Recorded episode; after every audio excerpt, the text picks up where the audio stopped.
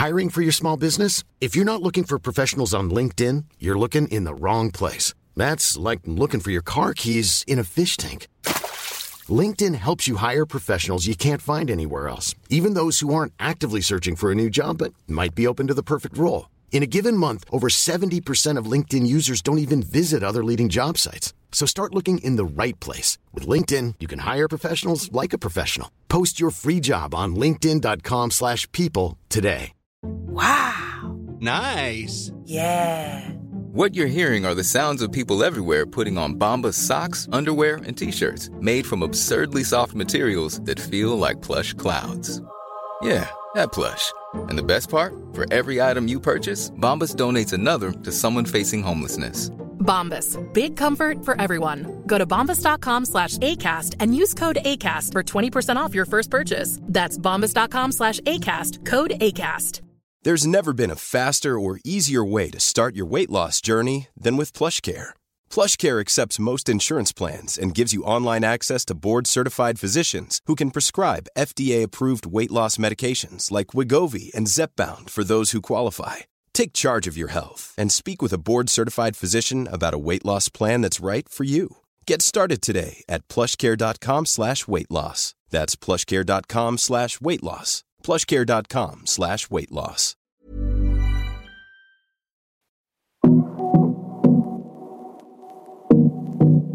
Hallå och varmt välkommen till Karriärpodden och avsnitt 250 där jag möter Decca Abukar.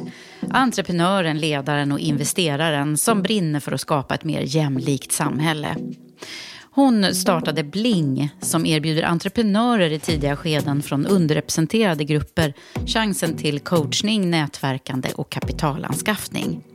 Decca är nu vd på bolaget och har haft en raketkarriär minst sagt med många utmärkelser.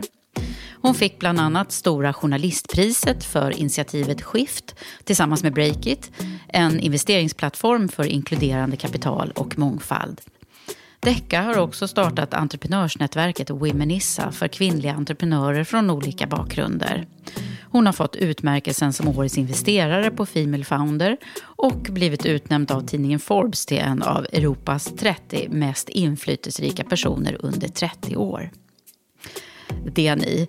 Följ med mig nu på ett samtal med Decca om uppväxten i Malmö, om drivkraften att förändra och vad som har format henne.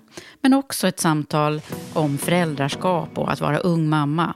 Och lär känna den här fantastiska personen och förebilden du också. Men innan vi drar igång vill jag passa på att tacka Karriärpodden och Women for Leaders samarbetspartner.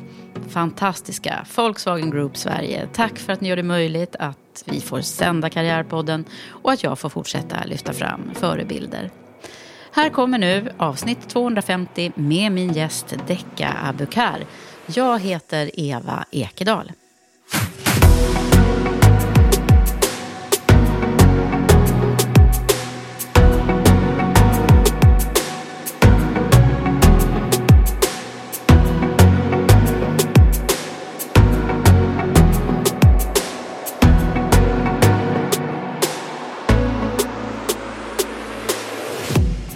Decca Abukar, välkommen till Karriärpodden. Tack snälla, kul att vara här. Ja men alltså, så...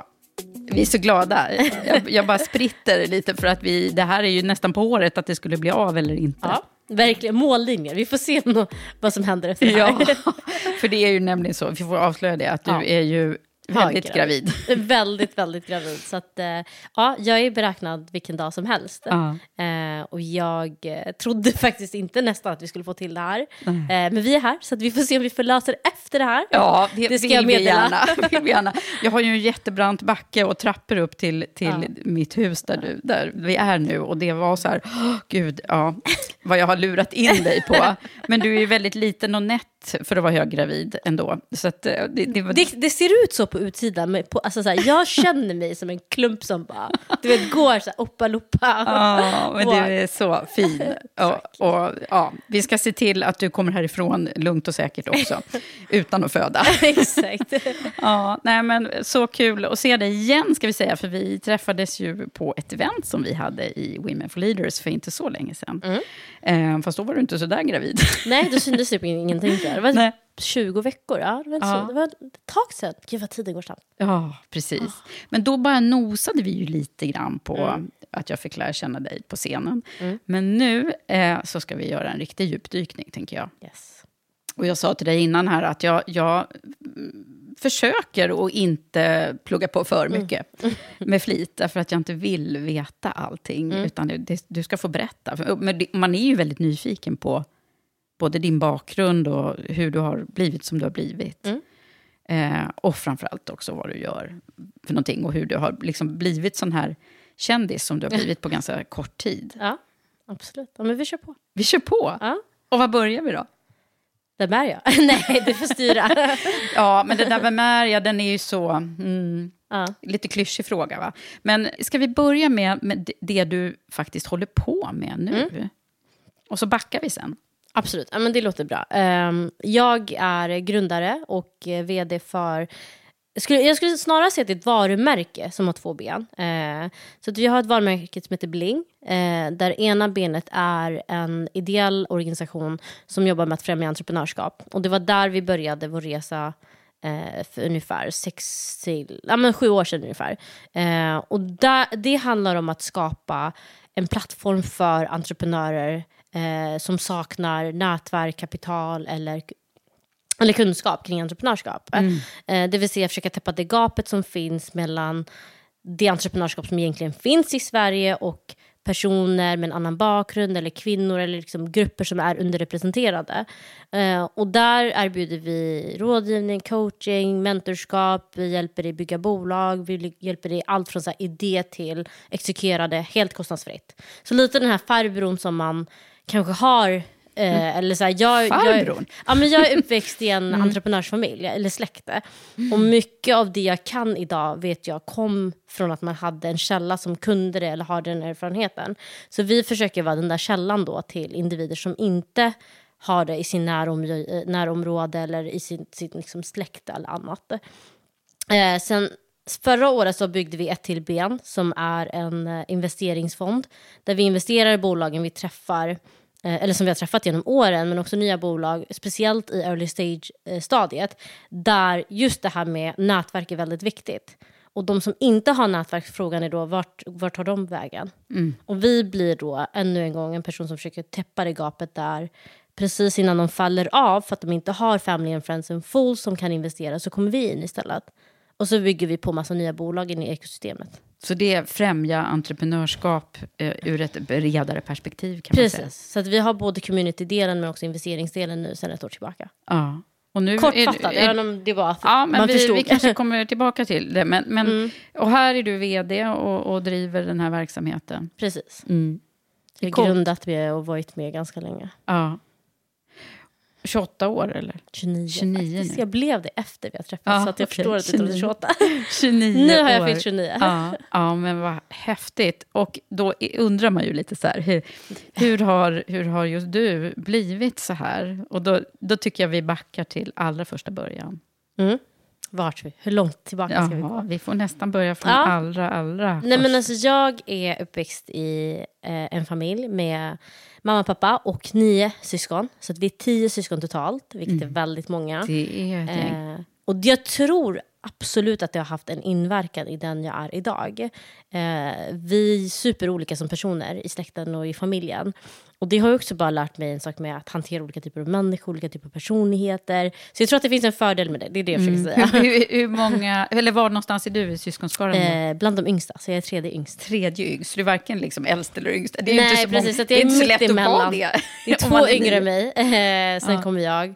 Eh, och sen är resten av mina syskon äldre, så majoriteten är äldre än mig. Mm. Ehm, så att, uppväxt med det. Så vi, jag är född i Somalia, bodde i Somalia fram tills jag var sju år ungefär. Mm. Eh, kom till Sverige 2001 tillsammans med mamma och syskonen då. Min pappa bodde här sedan tidigare så att han var lärare och då kom vi Okej, hit så som ni så åkte liksom till honom då? Precis, så att min pappa hade någorlunda börjat stadga sig i Sverige innan vi kom hit då. Eh, så vi kom hit 2001 till Malmö, eh, där jag bodde fram till gymnasiet faktiskt. Eh, uppväxt i Malmö, gått i skola där, gymnasiet där.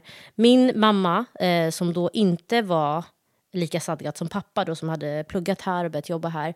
Hon hade drivit bolag i Somalia. Eh, och det första hon gör ett halvår efter vi bor här, eller har flyttat hit är att hon valde att bygga ett nytt bolag. Hon startade helt enkelt en butik.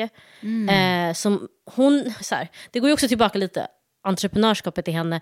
Butiken sålde saker som hon ansåg inte fanns och hon behövde det. Det var liksom allt från hårprodukter till lockigt hår, till hudvårdsprodukter som hon bara, men varför finns inte det här för personer som ser ut som mig? Ah, så att om man tittar tillbaka på hela min resa, då blir det så här, men du är en produkt av din mamma verkligen. Det är så? Eh, det är många det som säger det. det. Alltså verkligen. Mm. Eh, men hon startade butiken och jag, absolut, pappas insats är väldigt viktig, men jag kan se hur stor impact mammas entreprenörskap har haft i våra liv. Allt från att vi två år efter att ha bott i Sverige köper hus och bil och liksom the Swedish dream, om man mm. nu får kalla det, tack vare det entreprenörskapet, flytta till ett område som är väldigt eller så här, vi bodde i Rosengård, så flyttade vi till ett annat område som var liksom en helt annan miljö. Vi var de enda som inte kunde svenska där. Eh, och det tvingar ju oss in i ett system och liksom ett samhälle där kraven är annorlunda, förväntningarna är annorlunda. Mm. Och jag är idag, då var det jättejobbigt för jag ville verkligen inte flytta. Men idag är jag så himla tacksam för den miljön, för den har haft en jättestor inverkan på mig. Um, vad, vad, tror du det var som, som hände med dig där då? Vi, vi fick förväntningar och krav på oss precis som alla andra. Uh, och då skapar man en känsla av inkludering och delaktighet. Och jag har aldrig känt mig utanför. Där. Nej. Och det borde man egentligen ha gjort med tanke på att vi bodde, hade bott i Sverige kanske ett, två år, jag kommer inte ihåg exakt hur mycket. Eh, och flyttade till ett område där vi var de enda som bröt på svenska och knappt kunde svenska, let alone. Ah, okay. eh, men trots det. Så, så det var ett område där det bodde väldigt mycket svenskar? Det var inte bara svenskar, det var faktiskt ett ganska blandat område. Men det var ett område där folk kunde svenska. Liksom. Det var ett villa, radhusområde ja. eh, med bra skola och, liksom, och så vidare. Och så vidare. Mm. Till skillnad från, utan att liksom prata om så här, eh, område för område, men då, vi, när vi flyttade till Sverige första gången så bodde vi i Rosengård, mm. vilket är ett utanförskapsområde eh, i Malmö. Till att flytta till det här andra området som var helt annorlunda från Rosengård.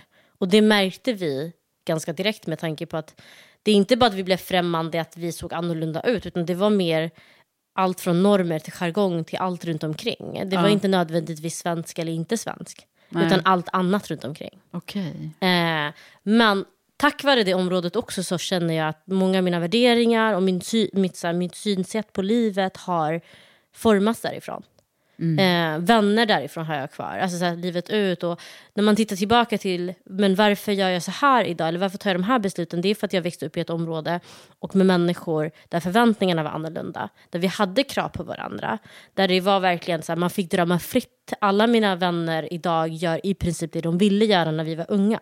Ah, så den okay. ena är liksom så här, jobbar i Nya Zeeland, den andra är uppe i Falun. Alltså, vi, vi, det var den typ av miljö där mm. vi idag kan säga som vuxna, gud vi nådde dit vi ville. Ja, oh, vad härligt. Så det blev en väldigt bra uppväxt. Ja. Jag, är, alltså jag är så tacksam för mammas mod att flytta. Ja. Så det är henne som du... Så, ja, ja, alltså all cred till min pappa, men jag mm. tror absolut att hon hade annorlunda förutsättningar. Med tanke på att hon kommer hit som kvinna med en annan bakgrund, väljer att starta ett bolag, lyckas ändå bidra med stora förändringar i vårt liv med det lilla bolaget som hon hade. Mm och fortsatte göra det. Liksom. Var hon entreprenör även i Somalia ja. innan? Okej, okay, så det, det, var liksom inget konstigt för henne? Nej, alltså, för henne handlar det egentligen om, på tal om integration och alla de här frågorna som vi idag tacklas med i samhället, mm. att göra det hon kunde och det hon var bra på. Och det var inte kanske nödvändigtvis att gå på SFI eller annat, utan hon ville jobba och tittade på så här, vad kan jag? Och då mm. valde hon att göra det, vilket är ett jättebra sätt att skapa, men också en känsla av delaktighet i samhället, eh, själv, liksom, självförverkligande, att hon kunde göra det i Sverige också. Mm. Så hennes integration in i det svenska samhället gick ju snabbare för att hon kände sig delaktig direkt. Precis, det här är någonting som jag kan bidra med här. Precis. Mm. Och som behövdes. Eller hon behövde det själv och Hon behövde det andra. själv och det behövdes. Och hon ser ju impacten, alltså så här, inverkan av det direkt i sin familj, i sitt närområde. Eh, och det här är en av anledningarna varför jag jobbar med entreprenörskap idag. För att jag har ju sett på nära håll vilken inverkan det har både på individ, på samhälle och liksom allt annat mm. runt omkring. Ja, verkligen. Så jag tror ju på det helhjärtat för att jag har ju levt i det. Jag har ju sett när en person börjar från noll och lyckas förverkliga sig själv och sin dröm via entreprenörskap. Mm. Är du lik din mamma? Utseendemässigt? Nej, jag Aha, tänker jag bara, nej. Eh, jag skulle säga mer än vad jag väljer att erkänna. nej, min mamma är en väldigt speciell person. Eh, nej, men jag tror väldigt mycket. Ja. jag tror jag är lik mamma än pappa i alla fall. Min Ja. pappa är super så här, tillbakadragen. Och så. Min mamma är framåt, hon ska alltid kläcka nya idéer. Hitta på nya saker hela tiden. Ja. Så att, ja, jag är väldigt Det, det låter som, det är några gener som har ramlat direkt Ja, ner och nu har jag en dotter som är exakt likadan. Jag bara, Ja, du vet det här historien och bara liksom upprepar sig. Men ändå så får man ju sitt egen, sin egen liksom, i sin eget format på något sätt. Men vad, vad är det mer som du kan, så här, nu i, i Mm. vuxen ålder, kunna, det brukar bli väldigt kännbart förresten när man får barn. Mm. Det här är ditt andra barn va? Ja. Eh, då brukar man ju bli så här, ja nu förstår jag varför jag är så här och så där. Man börjar liksom lägga ihop pusslet med hur man själv blev uppfostrad och så. Ja. Eller hur? Ja, ja, ja. Miljö har ju så mycket att göra med den jag är idag. Ja. Eh, Vad kan du mer säkert- dra för paralleller då? Om, om du tänker på att stanna kvar vid den här uppväxttiden i, Mm. i Malmö. Eh, som, som har gjort dig till den du är idag. Jag tror att det här med att, att vi fick bygga vår självkänsla och självbild utifrån våra förväntningar och våra egna drömmar eh, snarare än samhället eller någon utomstående. Utan vi växte upp, jag brukar säga vår omgivning och i princip hela området, men framförallt liksom den vänkrets man hade och familj och vänner och så. Att det var väldigt skyddat. Och där fick man drömma stort. Du kunde vakna en dag och säga jag ska bli astronaut och alla runt om dig sa att du kan bli det, du ska bli det och här har du förutsättningar för att bli det. Mm. Eh, det saknar jag idag när man pratar med andra, att det kanske inte är så normalt. Nej. Utan jag var Det låter ju helt fantastiskt Precis, och det insåg jag Mm. nu i vuxen ålder att gud vilken så här, privilegierad miljö jag var inne i. För verkligheten kom ju ikapp så fort jag flyttade från Malmö. Jo, är flyttade det. ensam till Mm. Stockholm och bara oj. Vad gud, tänkte du skyddad då jag att du skulle bli först? Nej, men jag, jag har alltid trott, och jag, det tror jag än idag, och det här är jag supertacksam för, för det kommer ju verkligen från den tiden i barndomen, att jag kan bli exakt vad jag vill. Alltså, jag tror hö- högt och tydligt på det. Det Men verkar ju då ville, nej, men det, då ville jag förändra världen, och det trodde jag att jag kunde, och det gör jag säkert än idag. Eh, men då ville jag jobba på FN, så att jag skulle plugga statsvetenskap, så skulle jag börja jobba på FN, och så skulle jag förändra världen via FN. Det var liksom 17-åriga Deckas dröm, Det om man så. säger så. Ja. Eh, sen har jag alltid haft andra drömmar där jag har velat testa på saker. Så att en av mina drömmar har varit eh, journalistik. Så jag, började, jag började jobba på SR när jag var 20 år tror jag. Eh, en annan dröm var att hålla på med mode och design. En annan dröm var att bli fotbollsspelare. Alltså jag har ju testat allt det här. Sen att, att jag inte Alla är bra, de här som du nämnde ja, nu. Sen att jag inte är bra på det, det är en annan sak. Där har fått mig så här, okej det kan jag backa. eh, men jag har fått möjligheten att testa allt det här också. Det är också en superprivilegierat att kunna säga, men jag vill spela fotboll. Se hur långt det här tar mig. Och kunna spela. Men vad pluggade du då? Eh, jag pluggade, på gymnasiet så pluggade jag social, vad heter det? Gud, vad heter det? Beteendevetenskap och eh, personal. Eh, Du skulle bli en typ sån här som jag som håller Ja, på med. jag ville bli psykolog ett tag. Ja. Det var ju därför jag pluggade på gymnasiet. Så jag har ju ändrat, alltså, jag ändrar ju var och varannan dag vad jag kan bli. Men det är också kanske för att jag är uppväxt i en miljö där man fick ändra, man fick börja om. Eh, så jag har ju haft många drömmar som Testa du kommer få höra. och så. Mm. Ja, ja, ja. Så att psykolog var ju drömmen, därför gick jag den linjen eh, i gymnasiet. Sen insåg jag att det inte var rätt för mig. Eh, sen ville jag plugga, jag skulle till London och plugga universitetet. Mm. Ett halvår innan vi åker iväg till London så ändrar jag mig igen och säger nej, jag vill bo kvar i Sverige. Vad ska jag plugga i Sverige? Men Vad var det som fick dig att göra det? Gud, jag tror att det var allt möjligt. Alltså jag lovar, det är så många faktorer som gjorde att den ändringen skedde. Eh, men jag var så bombsäker på att jag skulle till London. Jag hade liksom gjort hela processen. Ja. Men ett halvår innan vi tar studenten och bara nej, jag ska inte till London. Och då hade jag tid att välja universitet i Sverige då. För det kom ju någonstans i april eller vad det var. Eh, men då fick jag börja på nytt, för jag visste inte vad jag skulle göra i Sverige. För London var det om. liksom en annan dröm. Alltså i Sverige var jag så här, okej men då fick jag kolla, jag minns att jag kollade, det här rekommenderar jag inte till folk, men jag kollade igenom så här, utbildningslistan och vad som fanns för utbildningar i Sverige. Och bara, hmm, vad är roligt att göra? Alltså, snacka om att vara förvirrad det, själ. men varför då? Det är väl alldeles underbart att ha en, liksom, vad är det som är roligt och vad är det och som vad, är vill jag, lustfullt? vad, vad tycker jag är kul? Jag visste att jag ville flytta från Malmö, det var jag bombsäker på också för att jag var så trött på den här lilla staden. Du var Eh, det? ja, Lill- det var jag. Lilla staden, Nej, men tredje alla mina vänner skulle flytta. Vet, en hade kommit in i London, den andra... Och vi visste att alla skulle iväg. Så jag bara, så här, jag ska inte vara kvar ensam i Malmö. Eh, så jag tittar på utbildningslistan och så väljer jag socialantropologi i Stockholm universitet. Tar mitt pick och pack, augusti, och bara kommer in, sen tar jag och packar upp. Flyttar till Stockholm ensam, 18 år. Eh, och ska plugga socialantropologi som jag har ingen aning om tre månader innan. Var det, Vad det var. Nej, alltså, så, du kan bara höra. Jag vet inte hur min mamma lät mig göra det här. Det, det går tillbaka till att det här med att få göra vad man vill. Ja. Eh, och så flyttade jag hit, pluggade socialantropolog ett halvår. Inser att det inte är riktigt min, eh, det jag vill göra i livet om man säger så. Eh, jätteroligt att få göra det också, så här, läsa på den delen av eh, liksom, samhället om man säger så. Eh, så jag tar ett år ledigt, nej jag tog bara ett halvår ledigt faktiskt och började jobba i Stockholm. Och det är liksom där idén med Bling egentligen kom upp. När jag Mm. Vad gjorde började, du då för någon jag typ av jobbade jobb? ute på Max tror jag, hamburgarstället. Eh, och fick det för att gå runt som student. Ja. Ehm, men jag hade samtidigt diskussion med min medgrundare ganska mycket. Och då träffades vi och pratade mycket lite om, så, äh, om bling, men det var aldrig liksom det bling är idag. Utan det var bara diskussioner kring samhället. Jag hade ju kommit från en sån trygg miljö till att flytta till Stockholm som var storstad. Där, man, där det var väldigt påtagligt det här med segregation och utanförskap. Jag upplevde inte, även om Malmö har stora liksom, korrelationer med de här sakerna så tror jag inte att jag upplevde det på samma sätt i Malmö för jag var så skyddad. Ja. Du, du hade inte om- sett det där? Nej, liksom. alltså mitt område där jag bodde var väldigt eh, diversifierat. Det var olika människor, olika bakgrunder.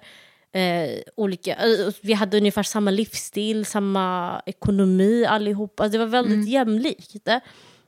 Så jag hade inte sett det här med liksom, utanförskap och innanförskap.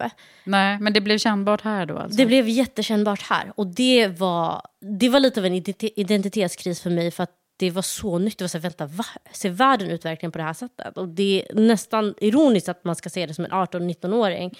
Att oj gud, finns det segregation? Eh, för det jag ville förändra när jag var yngre och det här med FN, det handlade om fattigdom och ut, alltså världen i stort. Så det var inte det, var inte lilla det Sverige. som du hade? Nej. Det var liksom, jag ska bekämpa barnfattigdom, jag ska bekämpa det ena och det andra utomlands. Mm. Eh, för mig handlar förändring allting om utanför Sverige. Jag tyckte Sverige var perfekt. Och så kom jag till Stockholm var det inte och bor ett halvår och inser gud vi har så mycket kvar att göra här. Mm. Eh, och då börjar tankar om bling, men jag jobbar på Max. Och sen så börjar jag skolan till hösten, så börjar jag plugga eh, statsvetenskap. Ja. Och där hittade jag mig själv. Så Mm. jag pluggade statsvetenskap eh, i några år. Och det är väl det som är min så, akademiska bakgrund egentligen. ja, just det. Men du, din medgrundare nämnde du Mm. lite där. Kan du berätta lite? Eh, Adnan Yusuf eh, Ja. är min medgrundare. Han är stockholmare som det bara går. så att vi kommer från helt olika perspektiv när det kommer till den delen. Eh, men han har varit en entreprenör sedan barnsben. Så han har ju också fått väldigt mycket hemifrån av att entreprenörskap var tillgängligt, det var något han kände igen sig i. Det var en möjlig karriärsväg för honom. Eh, och han testade ju plugga och liksom gå den traditionella vägen. Men han, det, han är alldeles för kreativ tror jag, bara för att få så här, vara kvar på ett och samma ställe om man säger så. Ja. Eh, så Men vi- hur träffades ni då? jag skulle ta en anställning på hans bolag. Så han är lite äldre än mig, så han hade ett bolag eh, som jag skulle ta en anställning på. Och så sa jag upp mig efter tre dagar. På, den, på det stället. Det Och var du- inget bra. Så här, han bara, du var inte en bra medarbetare i alla fall. Så Dålig därför- rekrytering. Fattar inte varför han valde att starta någonting med mig efter det. Men eh, jag sa upp mig för att jag kan inte sälja för fem öre. Eh, och så började vi prata faktiskt på anställningsintervjun kring utanförskap och segregation. Eh, och då landade vi bara i att vi hade massa intressen som var lika, men också det här med entreprenörskap. Att det var någonting vi hade fått hemifrån. Och det var någonting som var väldigt naturligt och nära för oss. Men när vi började prata om hur det ser ut i Kista, för det var där vi träffades, då var det väldigt främmande. Och bara diskutera med nära vänner eh, och folk som var från Stockholm framför allt. Det var så, men vad är entreprenörskap? Det, vi är inte entreprenörer. Fast man var ju entreprenör i många aspekter. Så det, då började det triggas igång i oss. Men hur kommer det sig att vi tycker att det är så nära och många känner att det är så abstrakt? Mm. Det var så naturligt för er. Det var det. Det var en, alltså, som vilken karriärsval som helst. Eh, för oss båda. Eh, men trots oss, det hade så fina möjligheter. Och jag kan ju ännu en gång referera tillbaka till min mammas resa i Sverige. Hur det på nära håll kan förändra både individ och samhälle. Eh, och vi båda var ju, också med tanke på att jag pluggat statsvetenskap och Adnan pluggade mycket industriell ekonomi och annat, så var vi väldigt insatta i samhällsstrukturer och eh, möjligheter med hur man ska förändra samhället, hur andra länder gjort det. Och en grej som jag alltid ifrågasatte var, så här, var ju varför har vi inte mer entreprenörskap, eller fokus på entreprenörskap i inkludering och integrationsfrågan? Mm. Eh, och det här var ju precis innan liksom, flyktingvågen 2015. Så det. det. var frågor som var uppbubblade redan då som vi var så här, men det här kan man ju kanske lösa med entreprenörskap men ingen verkar tycka att det är en lösning. Mm. Eh, eller man pratar om bidrag och annat men är entreprenörskap en lösning då? För min mamma tog ju aldrig bidrag för att hon hade en inkomstkälla direkt. Kan man skapa en inkomstkälla direkt? Det var så många frågor som vi bara ställde oss själva, vi var både väldigt unga också, eh, som vi inte hade svar till, men vi hade frågor och vi hade en tes. Mm. Så jag tror att vi bara skakade hand på Så det var sån bra timing där ja, också? det var ju det. Eh, och det var ju bara att vi, vi hade inte lösning, vi hade inga svar, vilket jag ändå måste påpeka. Att när vi startade det här så var inte svaret så här blingesvar, utan vi hade en tes, vi hade ett problem, vi ville lösa det, vi testade oss fram. Mm. Vad står bling för? Uh, bringing locals into innovation and growth. Ah.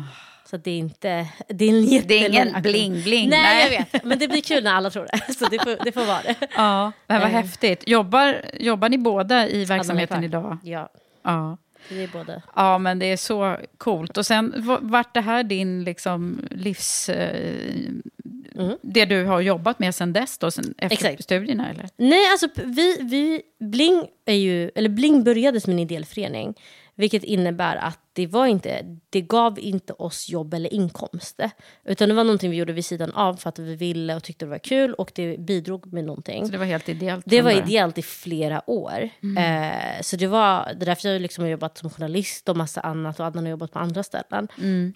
Det var först 2018, 2018 som vi kunde ta ut löner där vi inte behövde göra annat. Nej. Så det är ungefär fem, sex år sedan som vi som, faktiskt som det blev på jobba. riktigt kan man säga. Precis, Eller, det är väl på riktigt innan också. Men kunna, det, precis, det är ju det, det, är det som är skillnaden. Så ni har verkligen gjort en entreprenörsresa på riktigt ja, ja. där. Och bootstrappat som det ju heter ja, där i början. Vi har till och med alltså, skjutsat in själva pengar i Bling. Eh, från det lilla man kunde skramla ihop liksom. För att det ska hålla sig vid liv. Och sen startade du det här eh, entreprenörsnätverket för kvinnor. Mm. Eh, så, vi, så det är ju därför som jag sitter här och ler nu, för det är så kul om vi kan ja, om vi kan förena lite våra kunskaper kring, mm. kring kvinnligt entreprenörskap och kvinnligt ledarskap är det ju också. Mm, precis. Mm.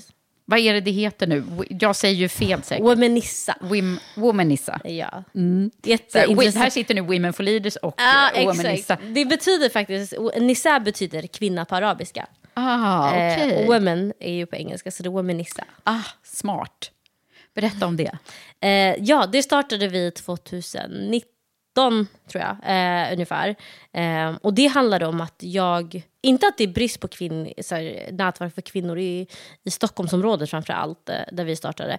Men jag tyckte att fokuset alltid var vad kvinnor har åstadkommit snarare än kvinnan i sig. Och Minister är ett nätverk för eh, kvinnor och kvinnliga ledare där man inte nödvändigtvis har startat ett bolag eller har x antal liksom, tusen eller miljoner kronor i omsättning. Det är inte liksom vår prestation vi mäter nätverket på utan det är att varje individ har en möjlighet att bidra med någonting eller liksom, du kan bidra med något till den individen. Och att träffas i det sammanhanget men också utgå från det här låter säkert superflummigt fortfarande, men utgå från kvinnors verkliga verklighet. Mm. Eh, och det började med att jag gick på massa nätverksträffar där det alltid krockade med någonting hos mig. Vare sig om det var att det var brist på inkludering och integration, eh, liksom, eh, vad heter det? mångfald, mm. att jag alltid var ensam. Eh, att det kanske var brist på förståelse för att jag som då den tiden var ensamstående inte kan komma ut amen, klockan 17 på en lö eh, vad ska man säga, amen, lördag kväll till och med. För jag har ingen barnpassning. Eh, så det var mycket som krockade. Som jag bara, men kan man bara bilda ett nätverk där vi inte behöver berätta hela tiden vad vi har presterat eller åstadkommit. Utan vi är där för att vi alla vet att de här kvinnorna i rummet bidrar, kan bidra med någonting. Mm. Och vi överskattar inte någon eller vi underskattar inte någon. Så vi blir väldigt equal i rummet. Eh, och vi är väldigt tydliga med att det är ge och ta i det rummet. Men, så här, men också kunna bidra med vi har barnpassning, vi har träffar de här tiderna. När kan gruppen träffas? Kan gruppen sätta tider istället? Det var så basala saker som Ja. vi tillfreds- alltså uppfyllde i nätverket. Du skapade det nätverket som du, som Som, du jag själv behövde, behövde. egentligen. Det är samma Eh, med mig. Precis, det blir ju det, eller hur? Ja, Man tänker, vad behöver jag?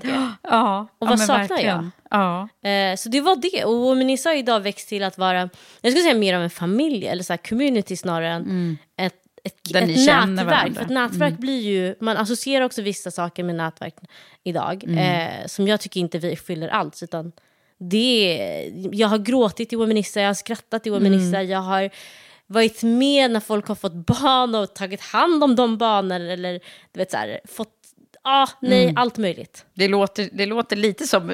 Du har ju varit hos oss Ja. på Women for Leaders. Och det, det är så härligt det där när man, när man går bortom det där prestation. Och, alltså att, att mäta varandra med någon form av måttstock. Utan istället Precis. börja hjälpa varandra och stötta varandra. Och vi vet ju aldrig när vi kan sätta varandra. Det var två kvinnor i vårt nätverk. Och bara för att liksom gå tillbaka på hur simpelt det kan vara. Det var en av dem som skulle föreläsa eh, i ett annat sammanhang. Och så hade hon träffat den här kvinnan. Och så behövde hon barn, någon som hjälper med bebisen som faktiskt var med på föreläsningen. Hon bara, men kan du bara hjälpa till att ta den med jämna mellanrum? Och det var hon så här, fine med. Ja, absolut. Jag ska ändå dit. Jag kan ta bebisen när den gråter. Alltså det, vi behöver inte alltid utbyta tjänst monetärt eller i stort värde. Utan kan du hålla min bebis när den gråter under föreläsningen? Det är jättestort värde. Så fint alltså. Ja, men det är ju, du vet, vi tjatar ju, vårt nyckelord är ju paid forward. Och det, det är ju lite det som, som det låter som ni också har gjort. Jag, jag såg Ja. faktiskt en tjej som hade tagit med sig sin nyfödda bebis på er träff sist. Ja, precis. Eh, och hon bara, det här är första gången jag är nervös men den är här. Ja. Så att det är jättekul att se att vi kan, det är också ett sätt att jobba med jämställdhet. Att vi Mm. faktiskt får utrymme att vara oss själva. Är du nyförlöst ska du inte behöva vara hemma om du inte vill. Du kan ju gå på ett nätverk, alltså nätverksträff. Mm. Det fanns inte på min tid när jag var nyförlöst med min första dotter. Att, så vadå, jag var tvungen att vara hemma ett år för att det fanns inga utrymme att ta med sig bebisar eller barn. Nej, precis. Det där är ju det är så, vi, pra, vi hade ju faktiskt det som tema också nu, på den här Ja. träffen, ska vi berätta för de som inte var, kunde vara där. Eh, men att vi pratade om föräldraskap och, och karriär och, och sånt som, som faktiskt, eh, ja, utan att problematisera, utan snarare se vad finns det för det. möjligheter. Ja. Och också kunna prata om det. Var det du som sa det? Det var någon annan som sa så här, ju mer vi, vi måste ju liksom, för det har varit också eh, många som tycker att nej, men bara för att det är kvinnor ska vi hålla på och prata om, Mm. om föräldraskap. Men det blev ju belyst där faktiskt att, att, att det kanske är just det vi måste göra istället för att undvika Ja. att prata om det som, som det faktiskt har varit i många år tycker jag. Att jag har inte vågat här, fråga en, en kvinnlig ledare som jag har haft här i podden till exempel om, om det knappt. Där, Därför att det är, så här, ja, det är så typiskt att du ska prata om Mm. Ja. det bara för en kvinna där. Men, men det är ju faktiskt så, eller hur? Att vi Jag tror att vi har gått för långt i att försöka undvika det. Ja. Så att nu har det nästan blivit en icke-fråga. Mm. Eh, medans, vi ska inte heller gå för långt i att här, bara stigmatisera, prata Nej. föräldraskap med kvinnor. Jag tycker man ska prata med män Precis. lika mycket. Men om, om jag vill prata om det, då ska det finnas utrymme för det. Ja. Det är lite det jag tror vi kom fram till under det här samtalet Ja. som vi hade. Att vill vi prata om barn, vill vi prata om att jag ska kunna vara föräldraledig eller att jag är gravid och det har sina förutsättningar och utmaningar, då ska vi kunna prata om det. Det är liksom det jag verkligen har försökt göra. Förra vändan med, med min, dot- min äldsta dotter, då fanns inte de här möjligheterna tycker jag på samma sätt. Den här vändan har verkligen varit så här, men men jag är gravid, jag kan inte vara med på det här mötet för att idag har jag gått och spytt hela dagen. Tyvärr. Det låter nästan som att så här, alla borde ha förståelse samtidigt som man är så här rädd och bara, men vadå ska jag använda min graviditet för att inte vara... Jag tycker den balansen har varit svår, men man måste stå på sig och ju fler av oss som står på oss så tror jag att det kommer bli normaliserat igen.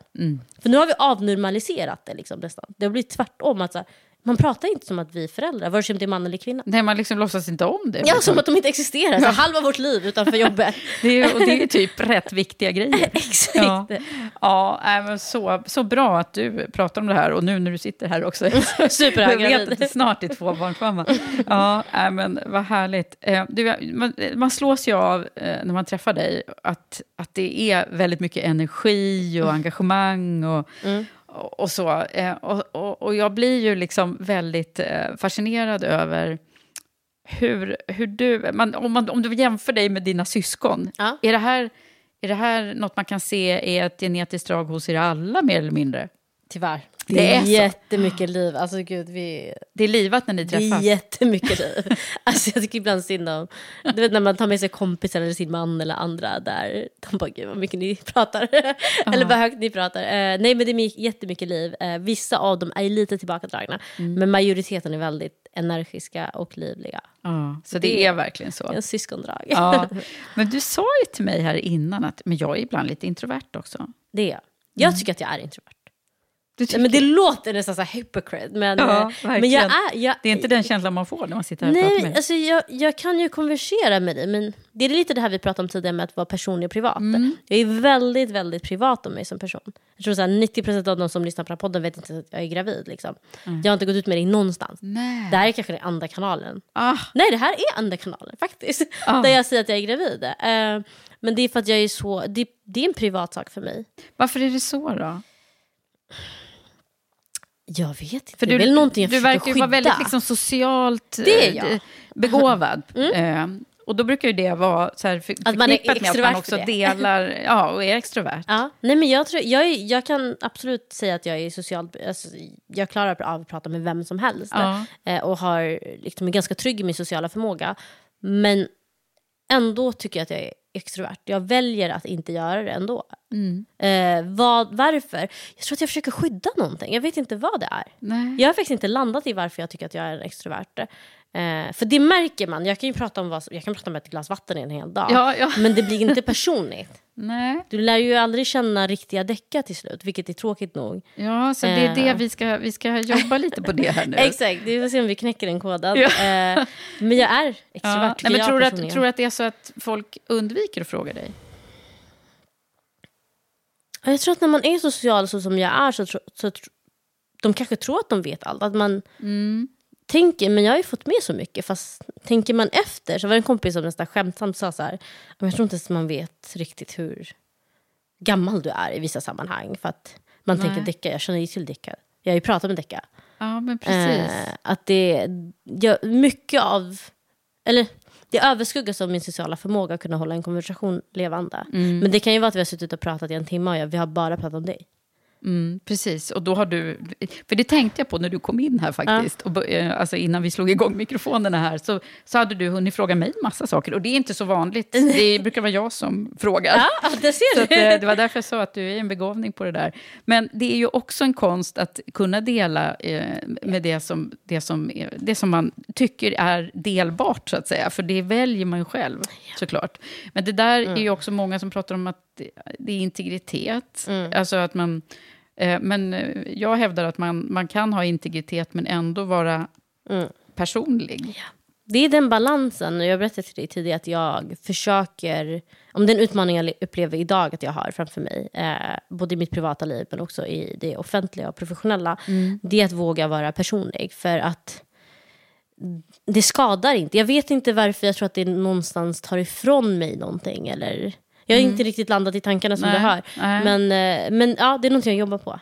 Att våga vara mer personlig. Ja. Så om jag, om jag frågar dig om, om något som du upplever som personligt, ska vi se om vi kan komma på någonting här nu. Men, ja, men lite hur du lever nu. Nu, nu. nu har du en ny man. Ja. Hur är det?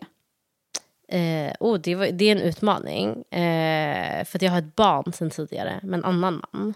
Vilket gör att då är det liksom en ny familj som ska blandas på något sätt. Eh, och det, det är en utmaning. Alltså jag säger inte att det är dåligt, men det är en utmaning. Det, måste, det får man inte sticka under stolen med.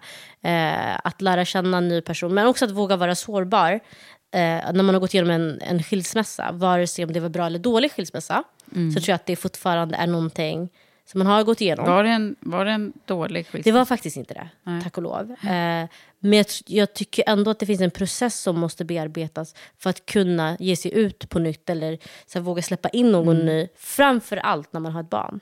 Och framför allt när jag har en dotter. Det har varit så här... Alltså, vet, varför skulle bara- det, är det annorlunda menar du? jag, jag tror att jag, jag speglar, eller jag projicerar mycket av mig själv som kvinna i henne och liksom de sårbarheterna jag har. Eh, det kanske inte ens stämmer, det är bara liksom mitt sätt att projicera massa känslor på henne. Men jag försöker skydda henne mer så att hon inte behöver gå igenom någonting igen. För att barn går ju också igenom skilsmässa. Det är liksom inte bara vuxna. Hur gammal är hon? hon är sexig idag. Mm. Eh, som var ganska liten när vi gick skilda vägar. Mm. Idag är hon mycket mer medveten och så. Men det tog ju ändå tid för oss att landa i oss själva. Eh, flera år gud, var vi ensamma och liksom fick lära känna varandra istället. Eh, och sen att det ska nu rubbas av någon ny, vilket det egentligen inte är, utan det var liksom mina farhågor. Sen tror jag att när man någon gång har varit, det här är i alla fall min, eh, min utgångspunkt, att har man någon gång varit ensamstående med ett barn så kommer man alltid tänka som en ensamstående fast man är inne i en relation. Mm, precis. På gott och ont. Mm.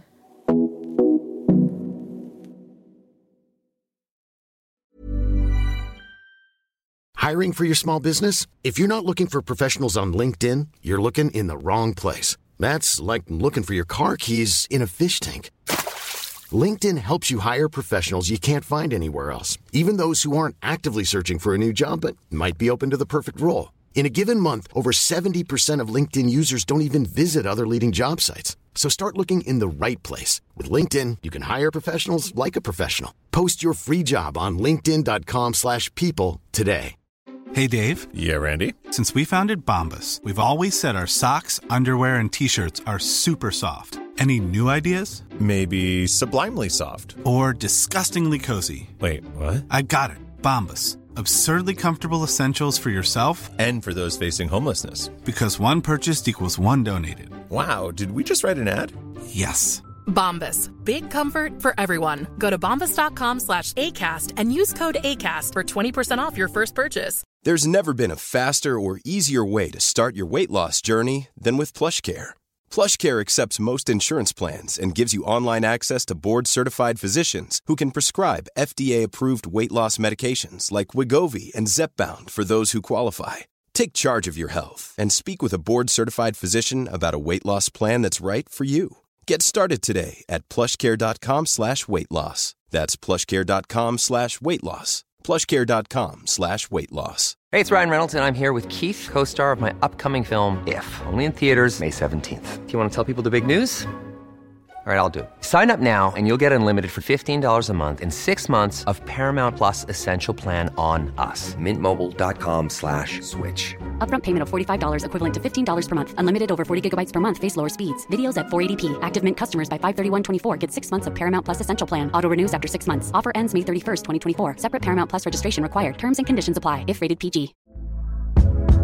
Hey there, it's Michelle Norris. I'm host of a podcast called Your Mama's Kitchen. When I travel, I'm usually looking for a way to find a taste of home when I'm not at home. And one of the things I love to do when I am at home is entertain. And Airbnb allows me to do that. When I was in California recently, I rented a house that had a great kitchen. And when we were sitting around the table, we're all thinking, we're in someone else's house. Someone could be in all of our homes as well. If you have a home, but you're not always at home, you have an Airbnb. Your home might be worth more than you think. Find out how much at airbnb.com slash host. Om vi skulle prata om känslor som du... Eh, alltså när man, man, man pratar om ditt liv så känns det som att du har ju... Jag brukar ju fråga om toppar och dalar i, i min podd. Och om man skulle liksom gå in på de här topparna, när det har känts riktigt, riktigt Mm. bra för dig? Vi börjar med de bra. När de har känts. Mm. Um, helt ärligt, i faktiskt de situationerna eller de stunderna jag har känt mig tillräcklig som mamma.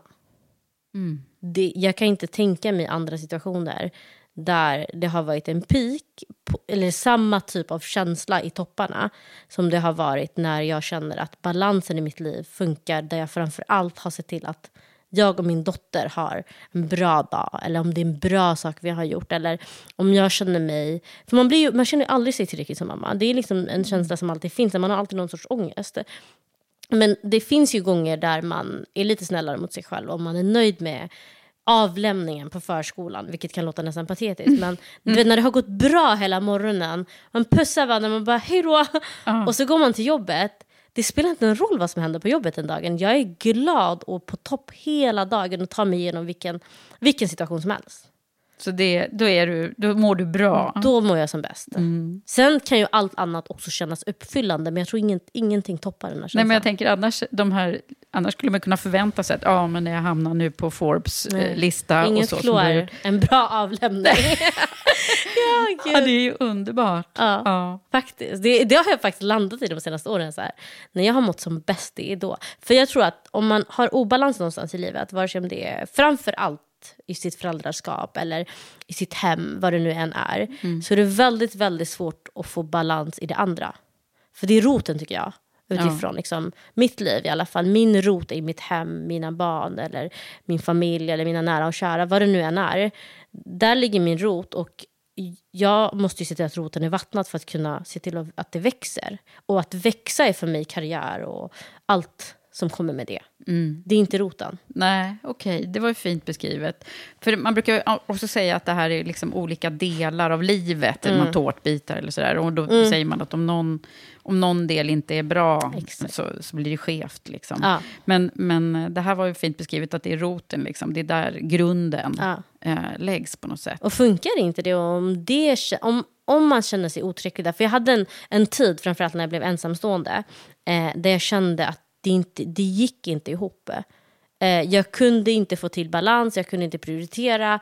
Jag överprioriterade alltid ena för mycket eller för lite. Alltså det blev bara så fel. Mm, för då var du mitt inne i bolagsbyggandet. Ja, och, och karriären tog fart och jag hade en tvååring som jag var ensamstående till. Jag har ingen familj i Stockholm. Alltså det var verkligen så här, allt låg på mig. Eh, och jag minns att jag så här, rasade i vikt. Alltså det började ta på mig fysiskt också.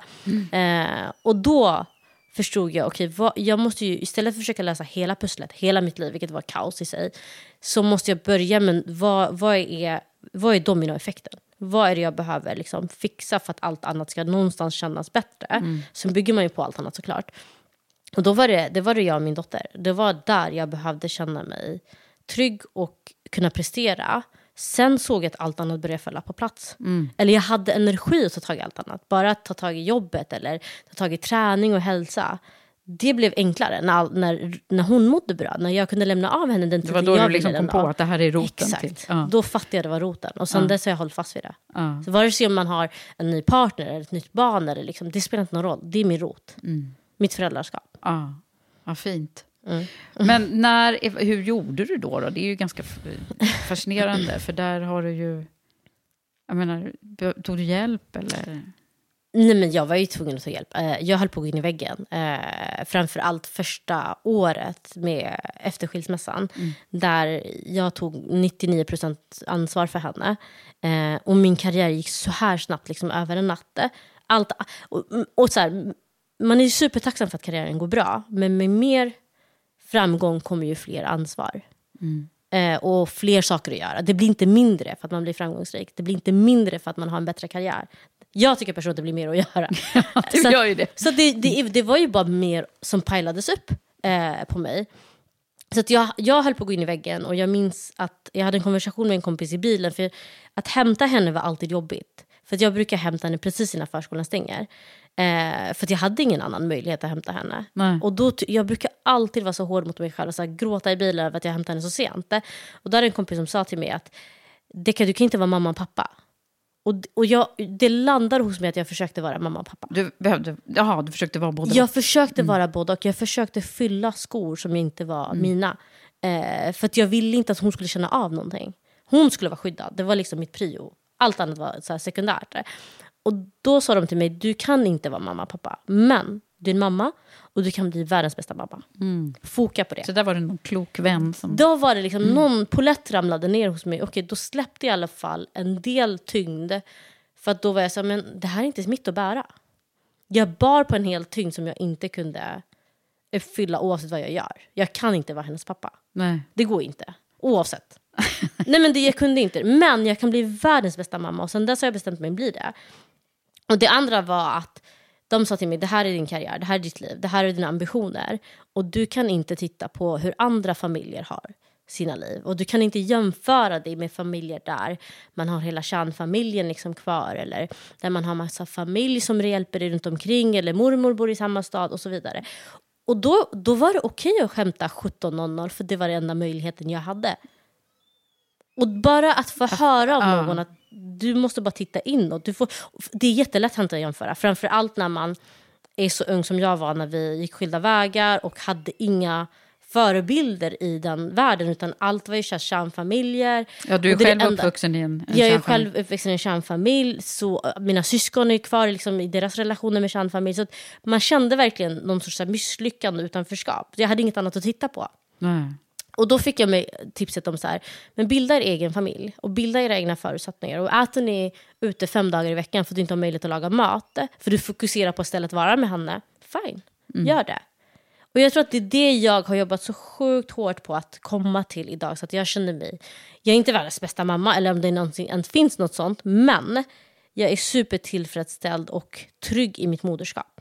Mm. Det hade jag aldrig kunnat säga då eller för ett år sedan ens, eller för två år sedan. Nej. Idag känner jag att jag är trygg. Det är därför jag kan lägga energi på allt annat. Det är Ja. därför jag tror personligen på att när jag blir mer liksom, eller så här, om vi startar något nytt eller gör saker och ting. Jag tror att den prestationen kommer ifrån att jag är så trygg i mig själv. Och att det är därför vi är där vi är idag. Ja, precis. Det går ju mycket snabbare att åstadkomma saker nu. Än, än vad du gjorde i början? 100 procent. 100 procent. Och, vad beror det på, menar du? Det här? Tryggheten i oss själva. Mm. Vi båda som grundare har jobbat på, både genom att ta hjälp, eh, vi har ju själv varit på terapi ganska mycket och verkligen uppmuntrat varandra att ta, gå på terapi. Mm. Eh, och kommit i att vi har landat i en position där vi är trygga i oss själva. Ja. Vare sig om det var via familj eller om det var annat man behövde lösa.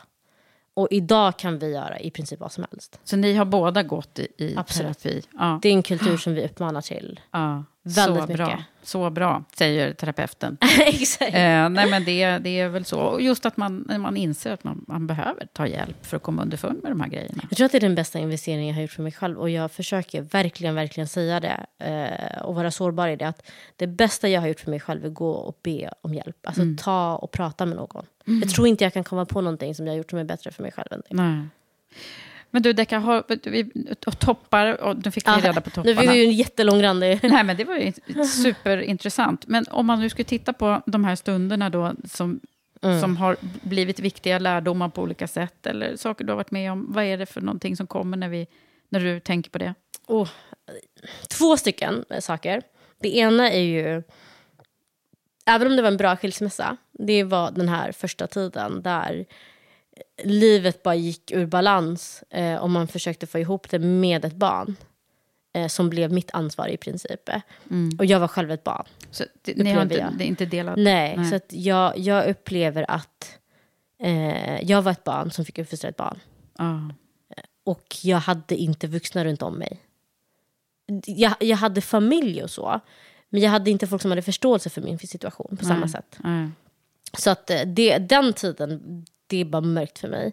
Eh, det är till och med ibland så jobbigt att jag har raderat bilder från den tiden. För att jag vill inte minnas den tiden. Okej. Det är liksom så jobbigt var det.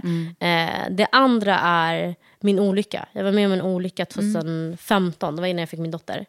Eh, som gjorde att jag var sängliggande i typ ett år. Och ja, men jag, jag kom tillbaka till livet kanske ett och ett halvår efter. Alltså, livet kommer man väl aldrig tillbaka till nästan. Men jag kom tillbaka efter två år där jag kände men någorlunda känner jag igen mig i det här.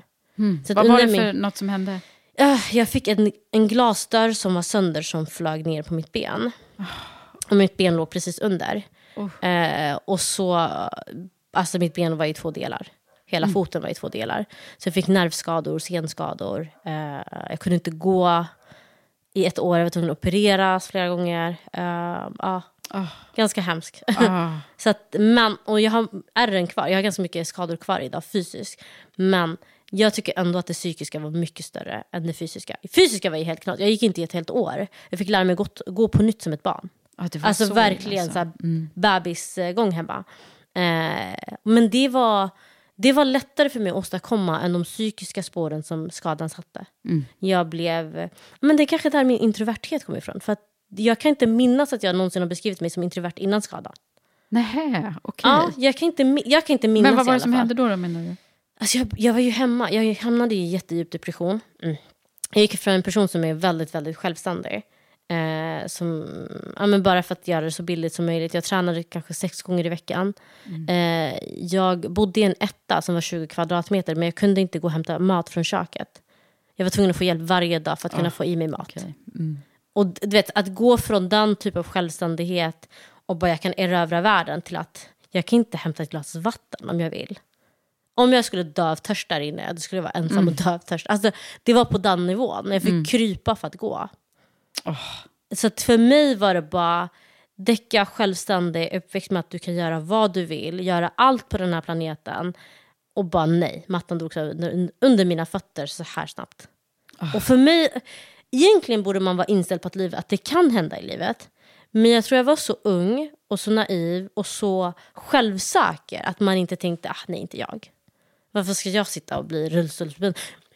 Det som var värst av allt var att man inte visste Man tror att man är odödlig, att ingenting kan hända. Tyvärr, Mm. galet nog. Och jag, och jag minns att vi hade en konversation med läkaren. Så här, Kommer jag någonsin kunna gå? Det var så illa? Ja, det var en fråga som var på tapeten. Kommer jag någonsin kunna gå?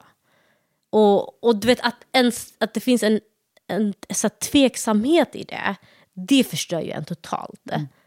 Alltså det går inte att fanta mitt liv, eller så här, föreställa mitt liv, att inte kunna gå. Nej. Så det här är ju två ganska liksom, tunga dalar som Ja, du och de beskriver skedde så här här. inom loppet av fyra år, men Ja. det var Ja, en ja. annan grej. Ja. Och nu sitter du här och är sprudlande Ja, nej, men- glad och... eh, Både ja och nej. Jag är supertacksam för allt som har hänt. Mm. Men jag, också, jag, jag bearbetar det här dagligen. Ja, du gör det. Eh, jag är inte klar. Mm. Alltså skadan, jag kan inte titta på mitt ben och påminnas det. Eh, ett tag kunde jag inte titta på det utan att gråta. Men, eller så här, prata om det utan att gråta. Men idag känner jag att jag är i en plats där jag, jag har börjat se styrkorna i allt som har hänt. Men jag tror man måste också kunna implementera de styrkorna i sitt liv. Nu ser jag bara så här, okej men gud om jag kan klara av det där, då kommer allt kunna gå bra. Jag, Nästa, liksom, nästa eh, fallgrupp kommer inte vara så illa. Eller jag, kommer, jag vet att, att det går att klara det. Mm. Men samtidigt så tror jag att man måste någonstans vara bara ärlig mot sig själv och bara det kommer ta tid. Ja. Det kommer ta tid. Det blir ju liksom som små R.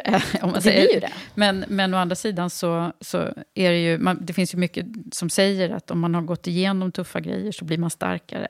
Det, det, det så är den där gillar jag, jag ganska mycket faktiskt. Men det tror jag håller med om, att Mm. jag är idag mycket mer mentalt starkare, eller, ja, starkare än vad jag någonsin har varit. Tack vare alla de här situationerna. Så att min mentala styrka, den är ju på topp. Sen är vi också emotionellt lagda och vi har massa andra känslor som vi måste bearbeta. Mm. Så det är inte bara... Det är jättelätt hänt att man uh, så här, sticker under stolen med att ah, men, det som inte dödar mig gör mig starkare. Men du ska inte bara vara stark, du ska också vara sårbar i livet. Mm. Och det Precis. behöver man jobba på. Ja. Så det är den Titta, balansen. nu sitter du här och pratar om sårbarhet. Det är ju jättebra. Ser du, det här går ju framåt. Det går bra Det är kanske här. graviditetshormonerna. Men du, jag har några, apropå det här, eh, jag har ett område som jag kallar för emotioner. Och du är inne på det nu. Så att, eh, och då är det så här, vad är det som får dig att bli riktigt arg? Blir du det? Ja, gud. Det blir jag. jag är jätteemotionell som person. Eh, både på gott och ont. Vad som får mig att bli riktigt arg? På mig själv kan jag bli väldigt, väldigt... Alltså jag kan bli arg på mig själv när jag har agerat på affekt. Eh, när jag är stressad och har bara tagit ut min stress på... Eh, ja, men jag ser att jag är stressad och en dålig dag. Då vet jag att det kommer påverka min dotter, jag vet att det kommer påverka min partner, jag vet att det kommer påverka mitt jobb. Och när jag låter det påverka, när jag låter sömnlösheten påverka andra människor och jag, mitt beteende, eller, och, och det gör det tyvärr. Jag är väldigt dålig på att liksom försöka kontrollera det. Eh, och när det gör det, då blir jag riktigt arg på mig själv. Som igår hade jag en sån dag jag var så här, alltså, gud, jag har bara haft en dålig dag. Och jag har smetat över alla människor jag har träffat under dagen. Men jag har också lärt mig en grej att den dagen är den dagen och så vaknar vi till en ny dag och imorgon kan jag ha en ny chans att göra någonting nytt. Precis. Så det, Ja. det är den balansen Ja. också. Så att jag släppte ju det efter igår. Ja, du gjorde det. Eh, Ja. Men jag, jag låg ändå där på kvällen och tänkte, ah, det är idiotdecka. Vad håller du på med idag? För att jag visste ju att det var bara jag som var stressad. Det var inget fel på alla andra människor. Jag skällde ut min dotter i onödan, jag skällde ut min partner i onödan. Alltså, det var Men det här, på alla andra det här människor. beskriver du när du blir arg på dig själv. Kan Ja. du bli arg på andra? Orättvisor. Mm. Jag klarar inte av, vare sig om det är en person på gatan som blir behandlad orättvist eller om det är något i världen på andra ändan som händer som är orättvist där. Man förtrycker någon. Jag klarar inte av förtryck. Jag blir så arg när jag ser förtryck i alla former. Mm. Det är någonting som gör att jag nästan kommer ifrån det här sansade, vettiga däcka. Att man blir så arg, du vet. Att man bara skiter i allt. Alltså, så här, ursäkta att jag svär.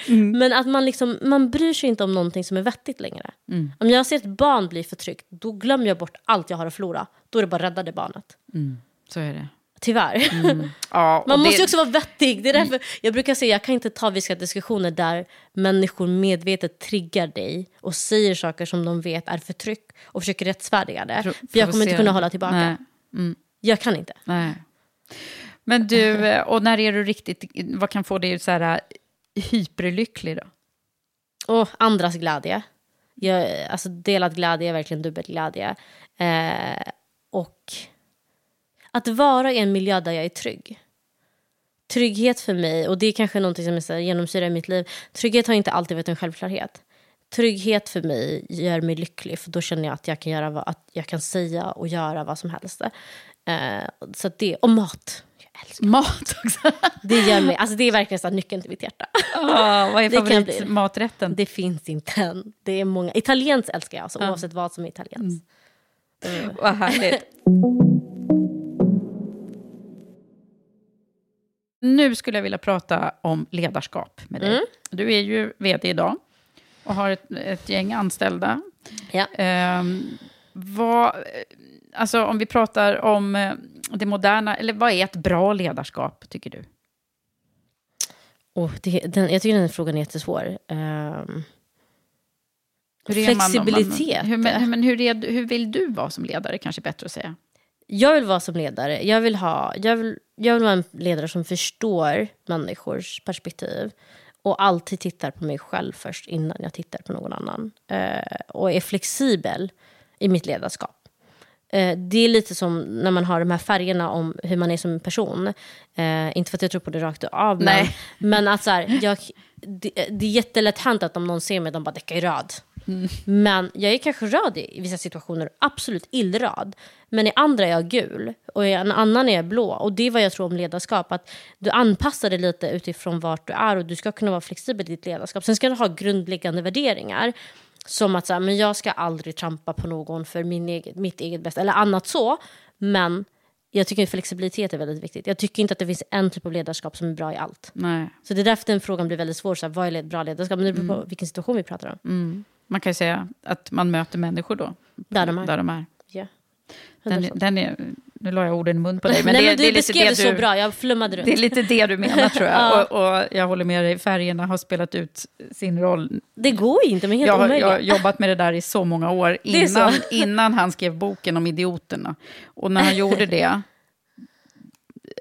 nu säger jag det här, det brukar jag inte prata om i podden, men, men eh, då, då blev det på något sätt så här, då, det blev lite för förenklat. Det blev så här, du är röd eller du är... Ja. Och det är ju inte så, vi är ju så komplexa vi människor, så det går liksom inte att sätta folk i fack. Vi har alla de här färgerna i oss på olika, på olika sätt. Och olika, olika miljöer triggar Mm. olika saker, Precis. precis som du säger. Borde inte ledarskap egentligen vara det då? Är inte det som är ett bra ledarskap? Att kunna möta människor och möta situationer utifrån vad de är där och då. Ja, precis. Snarare både, att säga både miljö och människa. ledarskap är det bra. Ja. Eller, så här, eller det här är det som är bra. Ja. Men du, sen ska du ju få en fråga också ifrån min, Ja. min eh, samarbetspartner, Ja. nämligen Volkswagen Group Sverige. Som, eh, de jobbar ju mycket med hållbarhet och eh, de är väldigt nyfikna på hållbart ledarskap just. Eh, och vad det, vad, vad det ja, så jag frågar alla mina gäster, fast Ja. frågan kom från dem.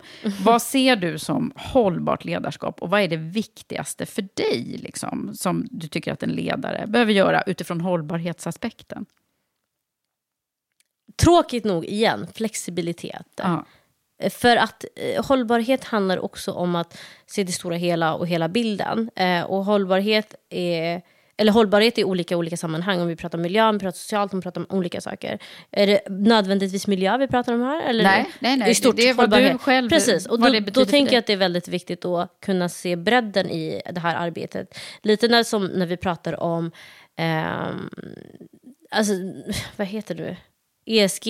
Ja. Att man pratar väldigt mycket om miljö och hållbarhet utifrån ett mil- miljöperspektiv. Ja. Och glömmer bort den sociala delen. Och båda måste gå hand i hand. Ja. Så att för mig är hållbarhet en helhetsperspektiv. Och för att kunna ha helhetsperspektiv så måste man kunna se det utifrån olika scener eh, och vara flexibel. Mm. Jag tror flexibilitet är svaret. Det är jättetråkigt och klyschigt att säga det igen. Nej, men du, Flexi du, flexibilitet. Du, alla hittar sitt ord. Det är så roligt där. För det, ja. blir, det blir lite, ibland är det liksom snuddar vid, eh, vid samma sak, men ganska ofta så blir det någonting. Jag mm. vet inte om det är någon annan som har just satt det ordet, men eh, det mm. gjorde du. Exakt. Det är mitt sätt i alla fall. Det är min typ av eh, ledarskap. Ja. Du, eh, jag måste tänka, vi har, vi, det finns ju en grej som i närtid har hänt eh, med, eh, med mm. Breakit och hela... Mm. hela ska, vi, ska vi prata om det kanske? Ja, men kör. Det, ni hade ju en jättestor grej här. När var den färdig, tävlingen? Eh, 14 mars. Ja. Det var cirka en månad sedan. Ja. Är det en stor grej för dig också det här? Ja, alltså Shift för mig är ett sätt att kunna hålla upp en dialog i en annan värld som nödvändigtvis inte är min vardag. Eh, det här med Stureplan och investeringar, mm. det är inte liksom det jag kommer ifrån om man säger så. Eh, att kunna hålla upp en dialog och öppna dörrar för, eller öppna upp för samtal kring ett ämne som inte är menar, vardagssamtal eh, i den miljön det är, det är vad Shift betyder för mig. Ja. Sen är programmet ett plus för att vi, vi har gjort det på det sättet. Att vi kopplar upp entreprenörer med investerare och att det finns människor som har möjlighet att få investering och allt runt omkring. Det är ett plus. Men grunden handlar om att föra upp ett ämne uppe på tapeten och se till att vi börjar faktiskt prata om det på riktigt. Och mm. det tror jag att vi har lyckats göra via Shift. Ja, det, du har ju synts väldigt mycket i media kring just det här. Mm. Men det var Breakit och ni, va? Eller? Ja, precis. Mm. Vi grundade det tillsammans. Ja, precis. Och vem var det som vann nu då? Eh, ett bolag som heter MeCovers, eh, på tal om kvinnofrågan som vi pratar om idag, ja. som gör kjolar för gynbesök. Ah, Men om du någonsin har reflekterat över att när man är på ett gynbesök så springer man ju runt där ah. eh, och har liksom rumpan ute, på, ute och bara ah. sätter sig på stolen som alltid är längst bort. Ja. Exakt. Mm. Eh, nu har de inte en gynkjol så att man får möjlighet att ja. ta på sig den ifall det, man vill. Integritet. väldigt. Alltså varför har ingen kommit på det förut? Exakt. Och varför har vi inte ens problematiserat det tidigare? Nej. Nej. Ja. Det är så mycket generellt sett kring både kvinnohälsa ja. och allt det där. Det, det är så det, mycket. Det är som att vi, vi har så mycket att göra. Vi har så mycket att göra. Ja, men det där är ju bra, för där, där ger ni möjligheten då till sådana som kanske inte skulle möta de här Precis. investerarna i vanliga fall. Och det är alltid så, både bekräftande och intressant att höra investerare säga men de här hade vi aldrig träffat annars. Nej. Och det sa de med det här bolaget också, att här, vi hade inte träffat dem annars. Nej. För att, det är inte att de inte vill investerarna och det är inte att entreprenörerna inte hittar till investerarna. Det är bara plattformen för att kunna den här nätverkseffekten, den finns ju inte där om man inte har en plattform för det. Och det är väldigt svårt för både, jag ursäktar inte investera, ibland måste de bara jobba hårdare egentligen. Ja. Men för att investerare ska behöva ut och i andra plattformar när de har bara mailkorg med typ 500 pitchdeckar. Det har jag full förståelse för, speciellt som investerare idag. Samtidigt som entreprenörer är och knackar dörrar, men en varm intro är kanske mycket enklare att komma in via än en liksom, knack på dörren. En, en, en mailbox. Precis. Mm. Så det är väl, vi försöker inte peka finger åt vem som har fel eller var, vart det har gått fel, utan vi försöker bara skapa en plattform. Mm. Men det är en ganska... Ja, det är en ganska speciell värld. Jag har ju gett mig in i den här också nu då, eh, mm. med tanke på vår satsning här. Det är, det är ju väldigt speciellt, alltså, den här pitcharna som alla pratar om hela tiden. Ja. Och Ja, det är lite, jag tror att vi har lite att jobba på där. För, förutom att vi, alltså framförallt så har vi väl det med tanke på att det inte är tillräckligt många som kommer fram. Yeah. Både kvinnor och eh, mångfaldsaspekten. Tyvärr. Ja, så du gör ett viktigt, eller ni gör ett viktigt jobb, verkligen. Men du, nu ska vi börja summera här. Mm. Hur ska vi göra det? Jag som satt så skönt här. Ja. Nej. Men om du skulle... Eh, jag brukar ju låta mina gäster befinna sig lite, gå tillbaka lite tidigare, innan karriären tog fart och mm. innan man själv kanske visste så mycket som man vet nu. Ja. Vad hade du gett för råd till dig själv då? Alltså vi säger att, ja, vad sa du när mm. du flyttade till Stockholm? Då var du 18. 18. Ja. Glad i hågen kom du hit. Vad hade du behövt höra då? Bli bekväm i det obekväma. Eh, och jag lever verkligen vid den här meningen nu att jag, eftersom jag var så skyddad och uppväxt i en miljö där det var skyddat både liksom abstrakt och inte så tycker jag att jag lärde mig att bara göra saker när jag var bekväm. Fast det låter inte som det. Men jag vågade ändå slänga ut mig och vara nyfiken för att jag var bekväm i det. Mm.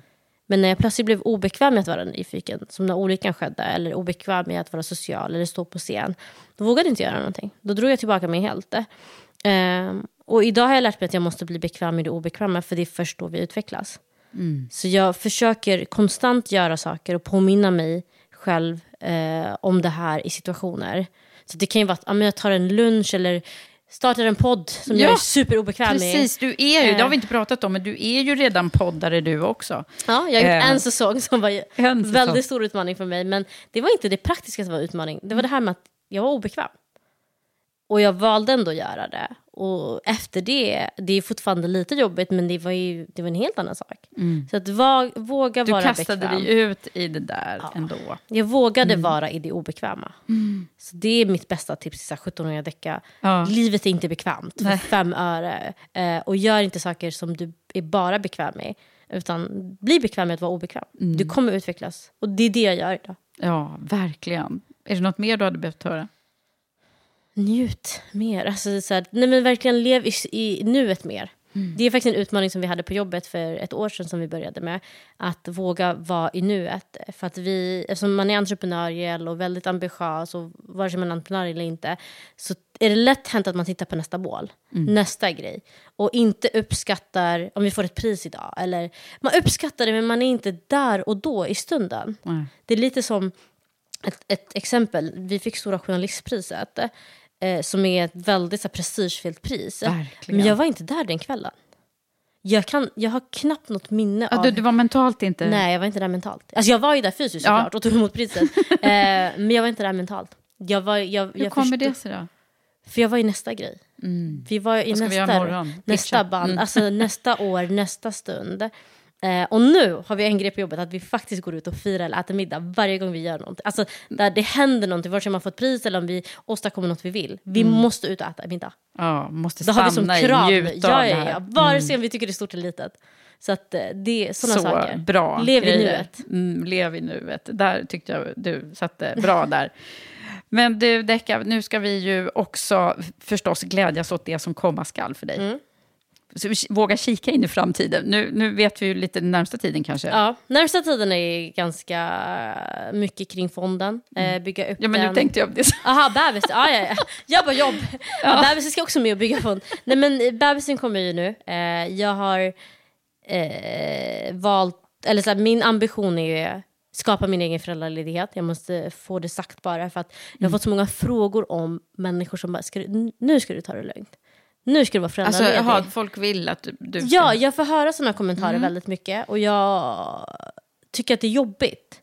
För jag tycker att alla har syn typ på föräldraskap och sina ambitioner. Och ännu en gång, skapa din egen familj. Mm. Och jag, det är jättelätt hänt nu när man har blivit gravid att andra implementerar hur de har haft det eller vad samhället tycker att man ska göra. Mm. Så att jag vill verkligen påpeka att jag har min egen typ av föräldraskap eh, och föräldraledighet. Eh, om du ser mig uppe på scen om en månad så är jag uppe på scen för att jag vill det. Så kommer jag applådera. Nej men det är för att jag vill det. Och det gör inte mitt till sämre med mamma eller annat. Och Nej. det vill jag, bara här, jag säger egentligen det här till mig själv. eh, men jag ser det högt också för att andra ska få höra. För att jag har verkligen fått de här kommentarerna jättemycket nu. Det, där är, det, där är, det där var vi ju inne på på Ja. eventet, eller hur? Det var så skönt att höra att det var många som, som hade det här. eh, Ja, men just att vi, att vi ärver också våra... Jag berättade ju Ja, också om det.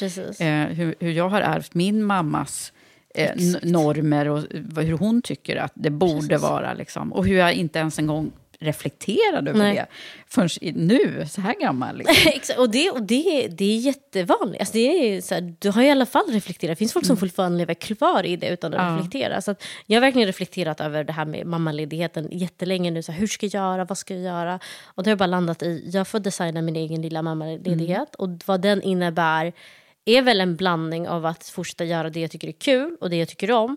Men också njuta av att ha blivit en ny förälder, på, eller blivit förälder på nytt och så. Så att jag, jag, det är den balansen jag kommer försöka skapa. Så Ja. ni kanske ser mig ute och härjar. Ja. Ja. Eh, så kommer det säkert bli det. Eh, och det är bara att höra av sig. Jag, tror, jag tycker inte jag som deckare ska försvinna ifall man vill ta ett samtal eller annat bara för att jag har blivit föräldraledig eller Nej. för att jag har fått ett barn.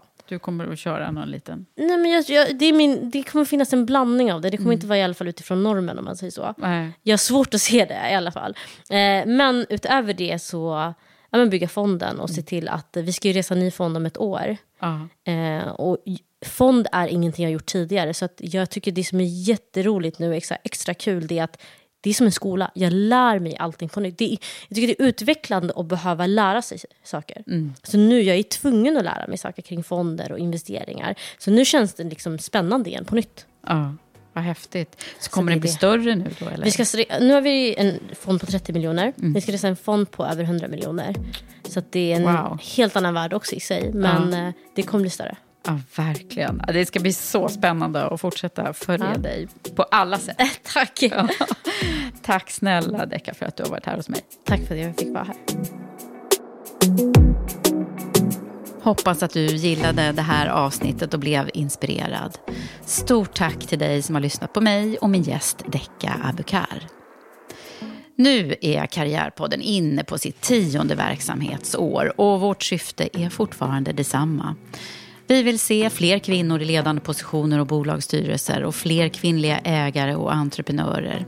Vi jobbar i alla våra verksamheter i Women for Leaders, Karriärpodden och EQ Executive Search med att driva utvecklingen mot ett mer jämställt och hållbart näringsliv genom nätverk, ledarskapsutveckling, rekrytering och genom att lyfta fram inspirerande kvinnor vi möter längs vägen och genom att lyfta fram de ämnen som möjliggör ett jämställt arbetsliv och ett modernt ledarskap. Vi har en massa roligt spännande på gång och som kommer hända med buller och bång nu under våren. Och jag kan redan nu ge en teaser om att det kommer att handla om att ge alla kvinnor som vill utvecklas en digital språngbräda oavsett var i karriären du befinner dig. Så se till att följa oss nu i sociala medier och prenumerera på podden så missar du inte när det här händer. Det var allt från mig den här gången. Vi hörs snart igen.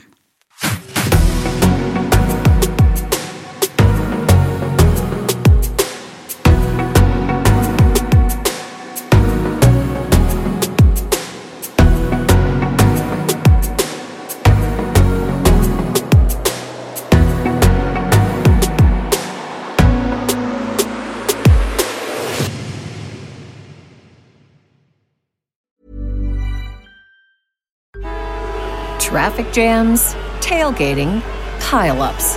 Ugh, the joys of driving. How could it get worse? The federal government wants to have a say in what you drive. That's right.